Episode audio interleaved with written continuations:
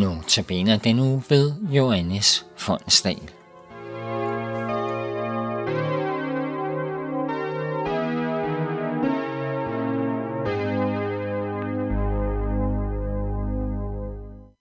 Velkommen til Notabene andagten.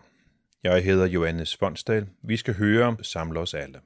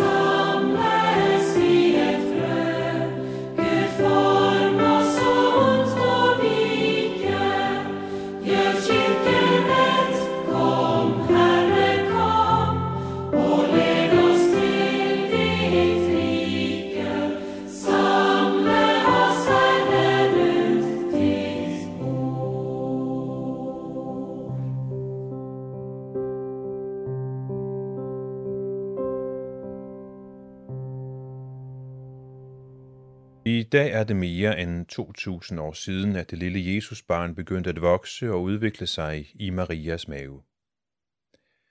Det er underligt at tænke på. Hver gang vi siger årstallet, så peger vi til centrum af verdenshistorien. Uanset om vi beder eller banner, så siger vi noget om Jesus Kristus hver gang vi siger et årstal. I Danmark har vi haft kristne kirker i cirka halvdelen af de 2000 år, der er gået siden Jesus blev født. Alle disse tal er interessante, og måske sætter det tanker i sving i os, og det er fint med interessante ting. Men så kan man spørge, hvad har det med mig at gøre, og med mit liv?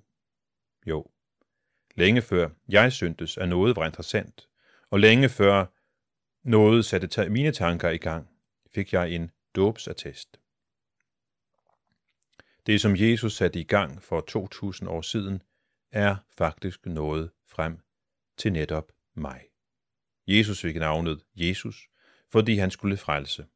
Og jeg har papir på, at Gud også har ragt denne frelse til mig. At det også gælder mig. På min dåbsattest står Johannes Fondsdal og årstallet 1972 efter Kristi fødsel. 2000 år siden, det er længe. Men kristen tro er ikke at prøve at forestille sig, hvordan det var for 2000 år siden. Kristen tro er noget helt aktuelt. Vores kristen tro har betydning for vores liv i dag. I trosbekendelsen siger vi noget om, hvor Jesus er i dag, siddende ved Gud Faders, den almægtiges højre hånd. Jesus er netop nu præcis der, hvor vi har mest brug for ham, ved Gud Faders, den almægtiges højre hånd og netop derfor kan vi også bede til ham. Når vi beder til Jesus, beder vi til et sandt menneske og en sand Gud. Men hvad hjælper det mig, at der sidder en, som kan forstå mig hos Gud, hvis han ikke kan gøre noget ved det? Han, som sidder ved faderens højre hånd. Det er ikke nok, at han har erfaringer med at være hjemløs i Bethlehem, med at flygte fra en massakre, med at være flygtning i Ægypten, med at få alle imod sig, så de råber korsfest, korsfest. Det er ikke nok, at han er født ind i og levet i vores verden. Det er bare den ene side af det. Den anden side er, at Jesus blev undfanget ved Helligånden. Det er også, at han skulle kaldes den højestes søn, Guds søn. Det sidste han sagde, før han tog plads ved Gud Faders almægtiges højre hånd, var dette, mig er givet al magt i himlen og på jorden. Når vi beder, beder vi til en, som er et sandt menneske, så han kan forstå os, og sand Gud, så han kan hjælpe os, fordi han har fået al magt i himlen og på jorden. Vi kan bede den til den almægtige Gud, Fader, Søn og Helligånd, som har al magt, og intet er umuligt for Gud. Vi har en Gud, som forstår, at det ikke er så nemt for os mennesker at tro, at ingenting er umuligt for Gud. For at hjælpe Maria til at tro, at hun skulle blive barn og føde Guds søn, uden at have været sammen med en mand, så lod han der ske et under med en af hendes ældre slægtninge, som aldrig havde kunne få børn. Elisabeth var blevet gravid. På sine gamle dage var hun allerede seks måneder henne, og Maria drog straks afsted for at besøge hende. Og hver enkelt af os har sikkert nogen, vi kender, som hjælper os at tro, fordi vi ser, hvad Gud har gjort mod dem. Men det kan også ske, at vi ikke vil tro, uanset hvor mange beviser for Guds magt og eksistens vi bliver præsenteret for. Når vi ikke vil tro, der finder vi altid nogen, som vi ikke vil ligne. Og så sætter vi næsen i vejret og siger, nej, sådan en hykler vil jeg ikke være. Der var engang en mand, som, ja, lad os kalde ham Hans, som havde fået overbevist sin vand Peter om, at han skulle med i kirke, men uden for kirkedøren stoppede Peter op og sagde, jeg har ombestemt mig. Der er så mange hyklere derinde. Da greb Hans ham i nakken og sagde, jamen, så kan vi da sikkert få klemt en mere ind. Men hvis vi vil tro, der har vi vel hver vores, som vi kan tænke os at ligne.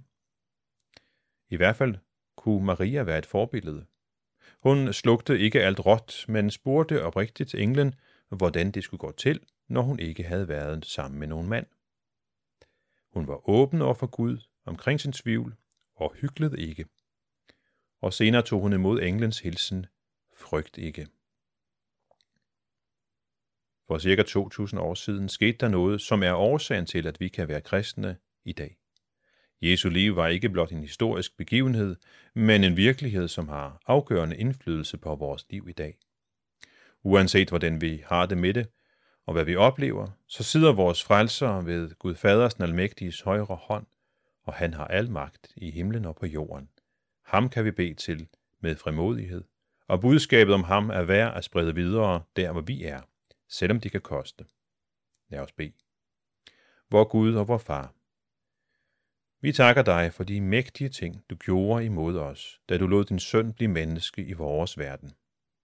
Du har vist din trofasthed imod os, og til dig skal takken lyde i himlen og på jorden, nu og til alle tider. Amen. Nu skal vi høre, vi synger med Maria.